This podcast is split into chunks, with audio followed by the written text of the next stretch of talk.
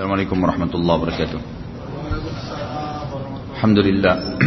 نحمده كما ينبغي لجلاله وعظمة سلطانه. نحمده كما ينبغي لجلاله وملكه وعظمته. والصلاة والسلام التمين على رسول الله كما صلى الله عليه. عدد خلقه ورضا نفسه وزينة عرشه ومداد كلماته. ملء السماوات والأرض ملء ما شئت من شيء بعد. Tentu yang pertama diucapkan oleh setiap muslim puja dan puji kehadirat Allah Subhanahu wa taala yang tidak terhingga karena memang Allah satu-satunya pencipta segala satunya juga kita panjatkan salawat dan taslim besar Muhammad sallallahu alaihi wasallam sebagaimana Allah dan malaikat yang berikan salam kepada beliau. Tentu tadi ikhwan dan akhwat sekalian Allah terlambat dan memang itu bukan di tangan saya. Allah sudah takdirkan dengan hikmahnya.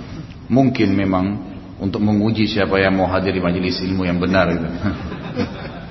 Ternyata masih banyak yang menunggu ya.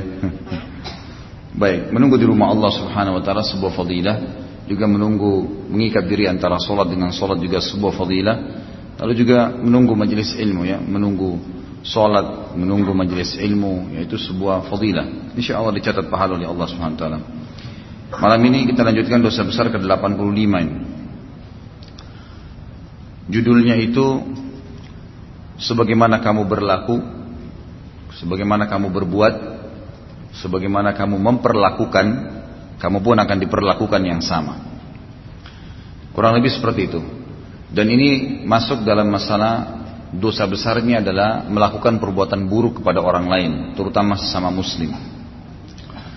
Tentu di dalam Islam seperti biasa saya jelaskan kronologis terlebih dahulu Allah subhanahu wa ta'ala memberikan karunia yang sangat besar kepada kaum muslimin dengan menjadikan mereka umat yang terakhir menjadi pengikut nabi yang terakhir sampai-sampai semua umat-umat sebelum kita cemburu dan mereka berharap menjadi bagian daripada kita.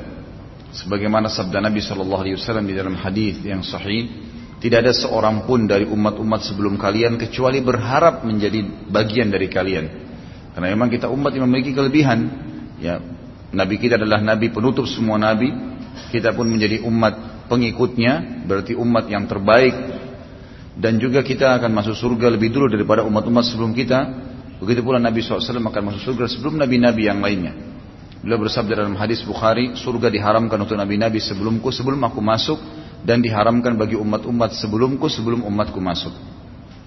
Jadi fadilah sangat banyak sekali. Dan karunia Allah SWT kepada umat ini tidak terhitung. Ada sebuah kaidah sederhana. Kalau seseorang itu ingin panen pahala yang banyak. Kita ambil contoh misalnya doa. Kalau ada orang yang sudah kaya, lalu saya bilang kepada ikhwat dan akhwat sekalian, doain dia supaya tambah kaya. Atau ada orang pintar, saya bilang doain dia supaya tambah pintar. Ada orang punya kelebihan fisik gagah atau cantik, kita, saya katakan doain supaya mereka dia tambah gagah, yang satunya tambah cantik. Kira-kira akan muncul pertanyaan apa dari antum kalau belum tahu? Untuk makan mengatakan untuk apa Ustaz?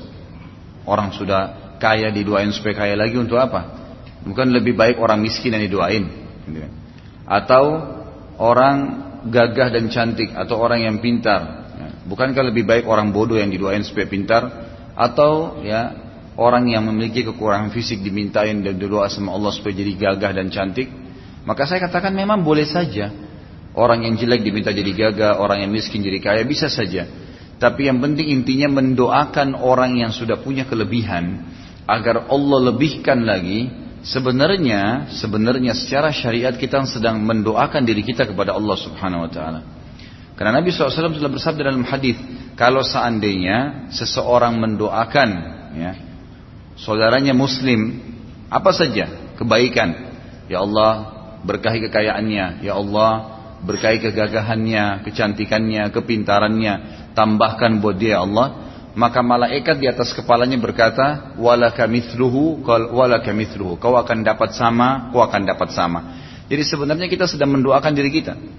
Karunia dari Allah Subhanahu wa taala. Allah meminta kita agar tidak cemburu dengan orang tapi kita malah mendoakan kebaikan. Ternyata itu kata kuncinya agar kita mendapatkan apa yang dimiliki oleh orang itu. Seperti itu kurang lebih. Jadi jangan dibalik jangan malah hasut Jangan malah jengkel, iri, dengki dengan orang yang punya kelebihan. Tidak. Doain dia. Gitu kan? doain dia. Begitu pula sebaliknya, ya, jangan doain orang keburukan. Benci dengan tetangga, ya Allah matikan. Malaikat bilang apa di atas kepalanya? Wala kamithluhu wala kamithlu. Kau dapat sama, kau dapat sama. Gitu kan? Loh iya, bisa dia mati duluan sebelum tetangganya. Kan gitu. Jangan doain keburukan orang lain. Dan dalam Islam selalu disuruh hati kita bersih, selalu niat yang baik lah ya, enak saja hidupnya. Kalau ada orang berbuat jahat dengan kita, lalu kita doakan untuk dia kehancuran. Gibah, fitnah, ngambil hak kita. Ya Allah matikan dia. Putuskan urat sarafnya. Apalah kalau orang misalnya dendam karena haknya diambil. Bolehkah? Dia terzalimi, boleh. Tapi pada saat orang itu Allah berikan betul diputus urat sarafnya, Allah matikan, udah selesai, terbalaskan jengkelnya dia. Baik, setelah itu kita dapat apa? Enggak ada. Belum tentu bahkan hak kita kembali dari dia. Tapi kalau orang berbuat jahat kita katakan ya Allah berikan dia hidayah, buka hatinya supaya dia merasakan iman, berikan dia ilmu-ilmu syar'i kepadanya. Mudah-mudahan dengan begitu ya Allah dia bisa mengembalikan hak-hak saya. Lalu Allah berikan dia hidayah, dia kembalikan hak kita dan selama dia jadi baik sampai dia meninggal kita panen pahalanya. Mana yang lebih baik? Gitu kan? Jadi selalu pintunya kebaikan, kebaikan, kebaikan, kebaikan. Bahkan sampai orang punya kelebihan pun depan mata kita doain. Subhanallah, saya lihat ini di teman-teman saya di Saudi sudah satu hal yang seperti ya e, kebiasaan. Jadi kalau saya lagi telepon teman saya di Saudi ini, alhamdulillah saya lagi buka begini, saya lagi begini. Yang paling pertama itu semoga Allah berkahi ya akhi, insya Allah Allah pertambah lagi, insya Allah Allah ya e, e, lipat gandakan, insya Allah begini diduain sama dia banyak. Karena mereka faham, oh dengan mendoain itu sebenarnya dia sedang doain dirinya, gitu kan. Hampir semua subhanallah kalau saya temuin, bahkan sudah menjadi kebiasaan dulu di kampus, teman-teman saya di luar kampus kalau ketemu salaman, bagaimana keluarga inti? Oh baik semua alhamdulillah. Insya Allah Allah berkahi keturunan itu jadi orang soleh. Didoain temannya sebelum pisah, awal ketemu. Itu satu hal yang biasa gitu. Karena mereka faham, mereka sedang mendoakan diri mereka sendiri. Jadi banyak hal manfaatnya. Pertama kita tutup pintu hasut, iri, hati kita jadi sakit itu hilang semua.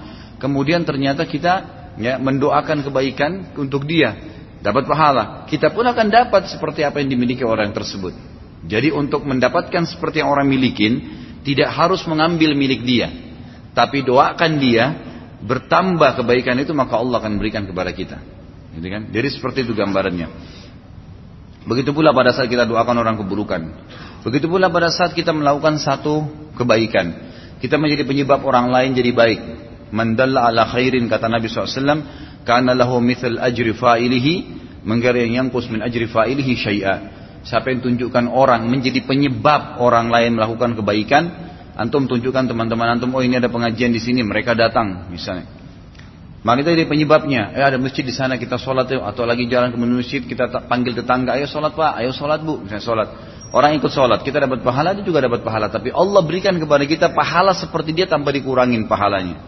Siapa yang menjadi petunjuk saja. Orang berbuat kebaikan. Maka dia akan dapat pahala pelakunya tanpa dikurangi sedikit pun dari pahala pelakunya. Jadi kalau ada orang nanya di mana alamat ini, di mana alamat itu, semuanya baik. Masjid, majelis taklim, dia mau silaturahim keluarganya, tunjukin. Sebaliknya, mandalla ala syarrin, siapa yang menunjukkan kepada keburukan, karena lahu mithal ya wazri fa'ilihi menggarin yangkus min wazri fa'ilihi syai'a. Siapa yang menunjukkan kepada keburukan maka dia akan panen pak dosa seperti pelakunya, gitu kan? Tanpa dikurangi sedikit dari dosa pelakunya. Ada orang tanya di mana alamatnya diskotik ini? Oh di sana dengan semangat dia tunjukin. Kan itu orang itu mabuk-mabuk semua dia tidur di rumah dia dapat dosa sama, gitu kan? Ya, jadi kalau keburukan jangan ditunjukin. Gitu. gitu ya Pak Yo ya? Ya. Jadi nggak boleh nunjukin keburukan. Ya. Jadi seperti itu dalam Islam.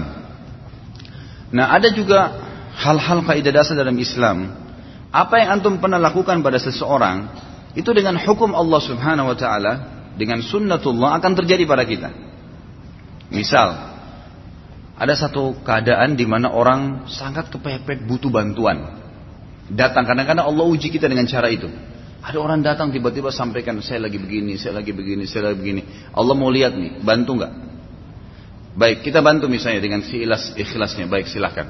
Pastikan ikhwas kalian dan akhwat, satu waktu Allah akan membuktikan kebenaran sunnahnya, hukumnya. Nanti akan datang waktu antum kepepet sekalian akan ada orang yang bantu antum. Nabi SAW mengatakan, Kama tadinu tudan. sebagaimana kau memperlakukan orang lain, kau akan diperlakukan. Apa pun sifatnya, gitu kan? Dalam sabda Nabi SAW yang lain apa? Jagalah kehormatan kemaluan kalian, Allah akan jaga kehormatan kemaluan pasangan kalian. Sucikan diri kita, istri kita dijaga oleh Allah Subhanahu wa taala. Kita selingkuh di sana, ini juga selingkuh. Harus hati-hati. Ya, dan berbaktilah kepada kedua orang tua kalian. Allah akan Allah akan membuat anak-anak kalian bakti dengan kalian. Kata kuncinya itu. Ternyata sebagaimana kita memperlakukan seseorang, apa yang kita lakukan, Allah akan balas dengan hal yang sama. Tadi itu contoh kebaikan, gitu kan? Menjaga kemaluan dari yang haram, bakti dengan orang tua, bersadaqah, kebaikan-kebaikan yang kita kerjakan. Nanti akan datang waktu Allah buktikan tuh, kita butuh dan Allah bantu. Ada orang pernah utang, dia bilang saya nggak mampu bayar ya sudahlah saya maafin. Pastikan satu waktu antum akan punya keadaan nanti di mana mungkin lagi belanja di toko orang kalau antum tidak punya utang, udah nggak usah bayar nggak apa-apa. Digratisin. Itu akan datang ya. Bagaimana Allah membuktikan bahwasanya kamu pernah berbuat baik ini Allah akan balas. Ya, Kalau ada orang sebaliknya kita berbuat keburukan, kita pernah mencemar namanya orang lain, kita pernah mengambil haknya orang lain, kita pernah iri dengan orang lain, maka pasti akan terjadi hal yang sama. Akan datang orang lain iri juga dengan dia. Akan datang satu waktu mungkin bukan pada saat itu, tapi akan terjadi dalam kehidupannya. Allah akan buktikan itu. Siapa yang merusak namanya orang lain, seperti itu. Apa saja perilaku yang kita pernah kerjakan pada seseorang, baik atau buruk, akan terjadi hal yang sama. Hadis Nabi SAW tadi saya bilang, kama tadinu tudan. Sebagaimana kau memperlakukan orang lain, kau akan dibalas hal yang sama. Dalam hadis yang lain dikatakan, uh, al jaza min jinsil amal. Balasan akan datang sesuai dengan perilaku atau perbuatan seseorang. Jadi ini jelas sekali. Baik, Imam Az-Zahabi mengangkat hadis ya di sini hadis riwayat Hakim ya, dengan sanad yang sahih dalam Kitabul Ilm. Dan juga ini Imam Az-Zahabi mensahihkannya. Man akala bi muslimin aklatan at'amahu Allahu biha aklatan min nari yaumal qiyamah. Barang siapa yang memakan harta seorang muslim, niscaya Allah akan memberinya makan disebabkan dari perbuatannya tadi dari api neraka pada hari kiamat. Wa man aqama bi muslimin maqama sum'atin dan barang siapa yang meletakkan seorang muslim pada kedudukan sum'ah. Sum'ah itu memaksanya pada keadaan akhirnya dia malu dipermalukan di depan umum. Ya. Akamahullahu yaumal qiyamati maqama riya'in wa sum'ah. Allah pun nanti akan meletakkan tadi si pelaku itu pada kedudukan riya dan sum'ah pada hari kiamat. Dia juga akan dipermalukan di hari kiamat. Dia juga akan diperlakukan pada hari kiamat. Wa man iktasa bi muslimin thawban kasahu Allahu thawban min narin yaumal qiyamah. Barang siapa yang memakai baju seorang muslim mengambilnya bukan hak dia maka Allah akan mengenakannya baju dari neraka pada hari kiamat. Riwayatkan Al-Hakim. Kata para ulama, ini adalah pelengkap daripada siksaan bagi seseorang yang tidak sempat taubat di dunia. Kalau di dunia akan datang kepada dia cobaan-cobaan tadi. Dia pernah mencuri akan dicuri juga dari dia, gitu kan? Dia beli HP tapi uang curian, pasti HP-nya hilang, dicuri juga sama orang lain. Gitu kan? Seperti itu. Dia makan makanan haram, dia nggak sadar, dia pikir dia berhasil, ternyata perutnya akan jadi bermasalah dan sakit. Banyak hal yang datang di dunia. Itu dia taubat atau tidak taubat akan datang konsekuensi di dunia. Kalau dia tidak taubat, lebih berat lagi karena di akhirat Allah akan berikan balasan yang setimpal dengan perbuatannya tadi. Dia merusak namanya orang lain, dirusak juga namanya hari kiamat, dipermalukan juga. Dia mau ngambil makan bajunya orang lain, dia juga akan diberikan baju dari api neraka hari kiamat. Jadi begitu terus. Ada contoh hadis waktu kita bahas tentang masalah minuman keras. Bab khamr, minuman keras haram dosa besar awal-awal ya. Apa kata Nabi Wasallam? Siapa yang minum khamar di dunia, tidak sempat taubat sebelum meninggal, dia tidak akan meminumnya di akhirat. Balasannya ada, gitu ya. Kenapa dikatakan di akhirat? Karena di surga itu ada empat sungai. Dalam surah Muhammad disebutkan. Salah satunya adalah sungai khamar. Sungai khamar, memang arak itu ada sungainya, tapi tidak memabukkan lagi di surga. Bahkan Allah SWT mengatakan wa khamrin ladzatin lisyaribin dan khamr di surga nanti itu sangat lezat untuk diminum, gitu kan? Di sini sabda Nabi SAW, siapa yang minum khamr di dunia, dia tidak akan meminumnya di akhirat. Larangan Allah dilanggar sama dia, dia tidak sempat taubat sebelum meninggal, walaupun masuk surga kata ulama, di surga dia nggak minum. Dapat fasilitas yang semuanya yang ada tapi yang ini tidak boleh, dia terharamkan. Mirip juga hadis yang sama. Kata Nabi Shallallahu Alaihi Wasallam tentang sutra dan emas bagi laki-laki kan. Waktu beliau angkat sutra dan emas beliau mengatakan Inna hadani haramun ala dhukuri ummati. Dua benda ini haram bagi laki-laki umatku. Lalu beliau mengatakan bagi laki-laki siapa yang memakainya di dunia emas dan dan dan sutra tadi maka dia tidak akan memakainya di akhirat. Maksudnya kalau dia meninggal tidak sempat tobat di dunia, maka dia terharamkan dari baju sutra di surga dan juga dia tidak bisa menggunakan perhiasan dari emas yang memang dasarnya tembok-tembok rumahnya orang istana surga itu dari emas. Dia akan kehilangan masalah itu.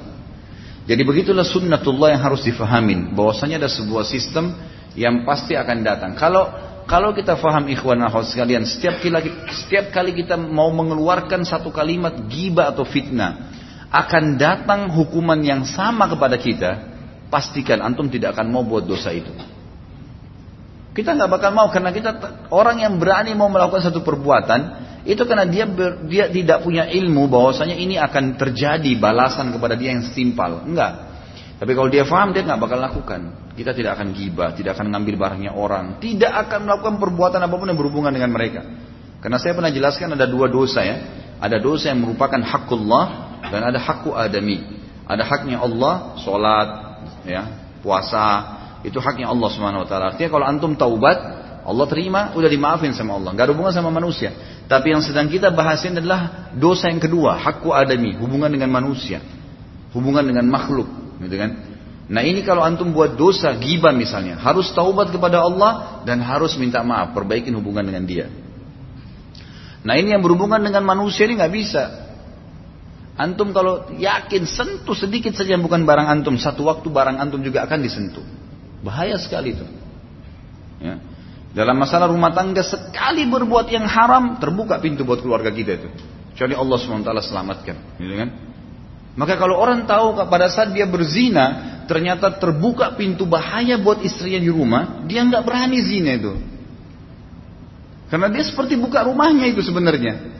Kan gitu. Kama tadinu tudan. Sebagaimana kau melakukan, perlakukan orang lain, kau akan diperlakukan. Bukankah seorang sahabat datang kepada Nabi SAW mengatakan, Ya Rasulullah, saya siap jalankan semua syariat kecuali satu. Izinkan saya berzina. Itu aja. Saya nggak bisa tahan fitnah perempuan. Nabi SAW menghadap ke wajahnya berkata, Kau mau nggak kalau ibumu dizinai orang lain? Dia bilang tidak ya Rasulullah. Baik, saudara, saudarimu, mau nggak? Enggak. Anakmu, enggak. Tantemu? Enggak. Artinya kalau kita lihat ibu kita sedang diganggu oleh laki-laki untuk dizinai, mau nggak kita lihat? Tentu kita nggak mau.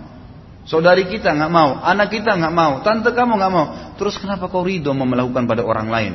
Artinya kata Nabi SAW, kalau kau buka pintu itu, terbuka pintu-pintu di rumahmu nanti akan ada gangguan-gangguan yang datang. Kalau orang faham ini, dia akan dia tidak akan berani melakukan kesalahan itu. Antum matikan lampunya rumah seseorang iseng saja, satu waktu rumah antum dimatikan lampunya. Begitu konsepnya. Jadi harus paham. Orang kalau paham tentang konsep ini, maka dia tidak akan melakukan pelanggaran kepada manusia siapa pun. Tidak usah dilayani, gitu kan. Jangan sampai terjadi, berbahaya. Karena akan terjadi pada diri kita juga. Sebaliknya, kita berbuat baik sama orang, efeknya bukan hanya sekedar hubungan kita baik sama dia, bukan hanya sekedar dapat pahala, tetapi Allah Subhanahu wa taala juga ya membalas nanti akan datang banyak kebaikan-kebaikan yang kita tidak sangka. Sekali kita bantu dia, kita akan dibantu satu waktu. Sekali kita pinjamkan, kita akan dipinjamkan. Sekali kita senyum, kita akan disenyumin. Begitu terus. Ya, begitu balasannya. Jadi tidak ada orang itu akan dibalas dengan keburukan. Makanya di sini ikhwat sekalian, dan akhwat yang paling banyak merusak konsep akidah seorang muslim itu sebenarnya tontonan. Tontonan ini banyak merusak. Ya. Film-film misalnya yang dibuat cerita fiktif, bohong semua. Lalu kemudian kita nonton satu jam dua jam, apa yang terjadi? Kita akan merekam cerita itu. Lalu kemudian kita akan tarik dalam kehidupan kita. Yang sebenarnya itu bertolak belakang sekali dengan fakta-fakta lapangan. Islam tidak mengenal namanya dongeng. Tidak ada dongeng dalam Islam. Apa itu dongeng? Cerita yang direkayasa, dibuat. Baik itu untuk menyenangkan orang lain, menghibur orang lain, atau bahkan membohongi orang lain. Semua nggak boleh, nggak ada dongeng. Dalam Islam sejarah ada, kisah nyata ada. Kita banyak sengaja menjurumuskan anak kita, keluarga kita pada dongeng. Dongeng ini nggak boleh ngerusak. Ngerusak, menghayal pada hal yang tidak perlu, gitu kan?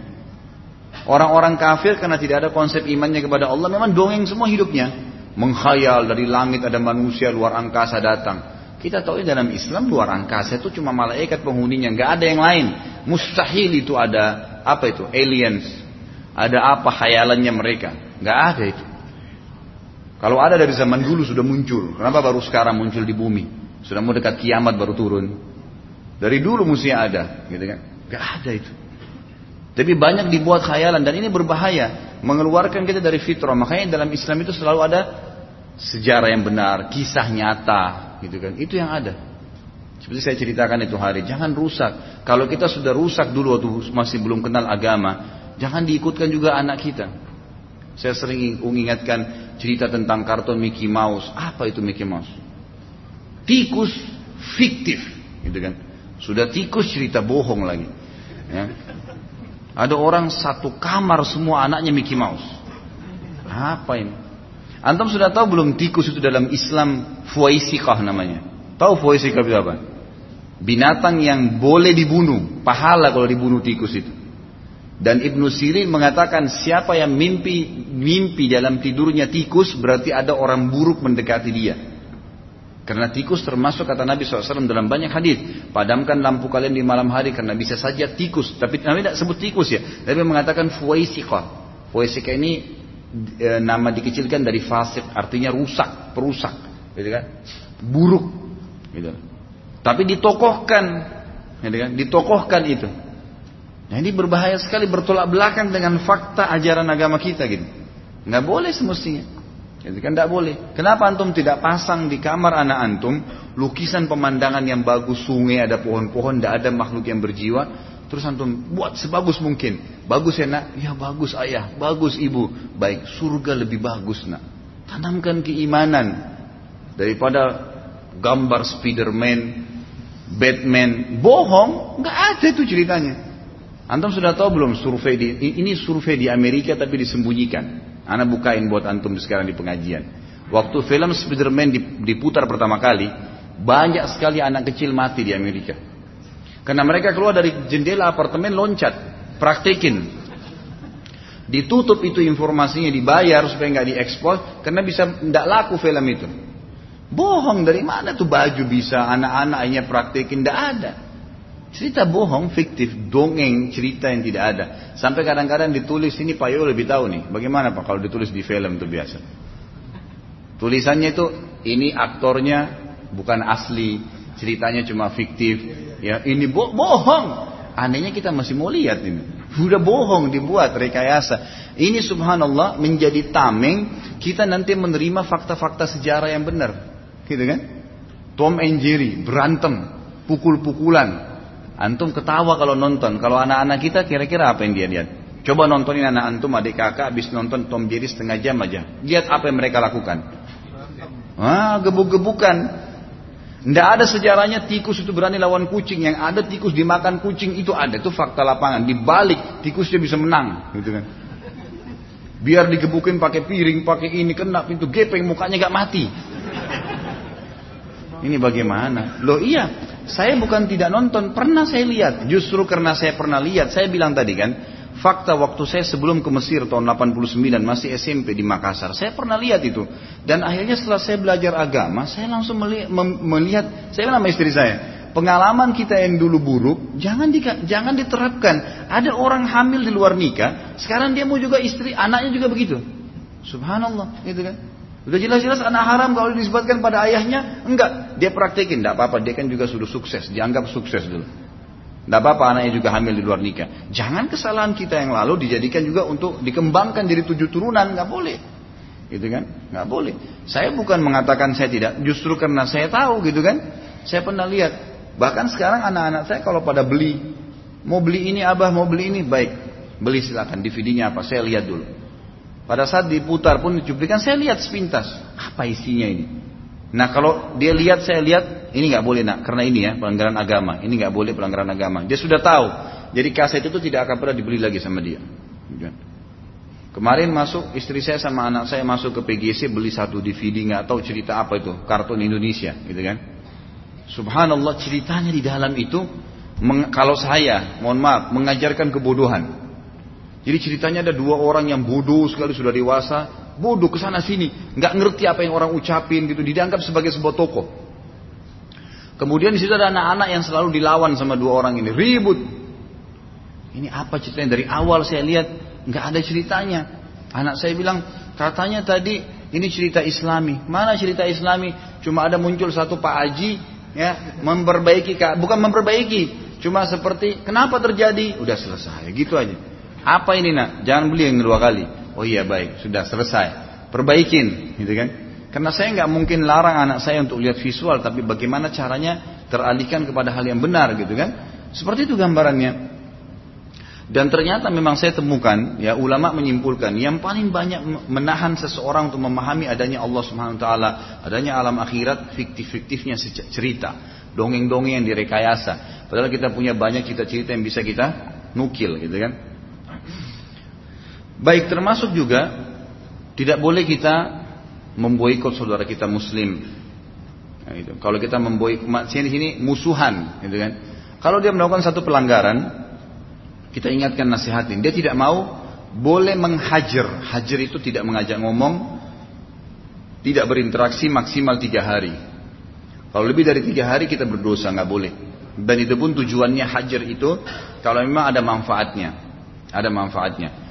Nah banyak orang salah paham dengan masalah hajar. Terutama hajar ahli bidah ya. Ada teman-teman kita yang sudah belajar sunnah. Salah pahamin. Sini saya luruskan di majelis saya ya. Semampu saya tentunya. Ada teman-teman kita yang baru belajar. Kemudian mereka pun belajar dengan ustadz-ustadz yang juga mohon maaf tanda kutip pemahamannya tentang hukum ini tidak terlalu jelas Mungkin cuma menukil dari satu orang syekh sehingga salah juga. Boleh kita menghajar ahli bid'ah. Siapa pun yang buat bid'ah, gak usah diajak ngomong, gak usah disalamin, gak usah diapa-apain, boykot. Dalilnya mana? Nabi SAW pernah memboikot tiga sahabat yang tidak ikut di perang tabuk, gitu kan? Baik, faham gak ini maksudnya apa? Ya, tidak faham mereka sebenarnya. Karena waktu Nabi SAW memboikot dan Syekh Al-Bani rahimahullah mengatakan, hajar ahli bidah, memboikot orang-orang yang berbuat bidah ini dibolehkan atau ahli maksiat kalau komunitas ahli ibadah lebih banyak. Sehingga pemboikotan terhadap orang yang berbuat maksiat bermanfaat. Misal, sahabat yang tiga orang yang tidak ikut di perang tabuk itu, itu waktu Nabi SAW melarang para sahabat untuk mengajak bicara mereka sampai Allah turunkan ayat terima taubatnya atau enggak, gitu kan? Tiga orang ini. Jadi nggak ada yang transaksi, nggak ada yang ngomong, nggak ada yang kasih makanan, diboykot. Tiga orang ini disebutkan dalam hadis yang sahih riwayat Bukhari. Mereka merasa jiwa mereka terkekang, merasa bersalah dengan perbuatannya, dan ini shock terapi supaya tidak mengulanginya.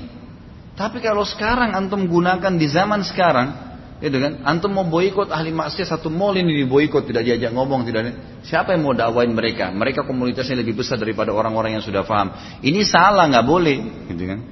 Nggak boleh. Jadi menghajar itu e, memutus komunikasi. Sementara untuk memberikan shock terapi atau pendidikan kepada seorang muslim boleh hukumnya. Tapi memang pada saat itu kita ingin memperbaiki keadaan, mendidik dia. Tidak boleh lebih dari tiga hari. Gitu kan? Tapi kalau misalnya kita memboikot bukan pada tempatnya kayak tadi kasus memboikot ahli bidah itu tidak benar, nggak ada. Sekarang banyak orang sudah paham sunnah, senyumnya nggak ada, ini keningnya sampai berkerut, gitu kan, tidak mau senyum sama orang, nggak mau salam, jalannya seperti orang yang eksklusif, gitu kan, seperti semua yang lain ahli neraka dia sendiri ahli surga. Ini nggak boleh, gitu kan, nggak boleh ini. Justru kalau antum sudah mulai paham sunnah, lebih banyak senyum dengan orang, lebih banyak membantu, lebih dermawan, jenguk orang sakit. Jadi akhirnya orang-orang tanya, oh ternyata dia berjenggot atau dia tidak isbal ini justru baik ya, tambah baik. Kalau dia tadinya dermawan, tambah dermawan, gitu kan? Ini enggak, sudah mulai paham sunnah, pagarnya dibuka cuma untuk ikhwas saja. Nggak boleh masuk yang lain, gitu kan?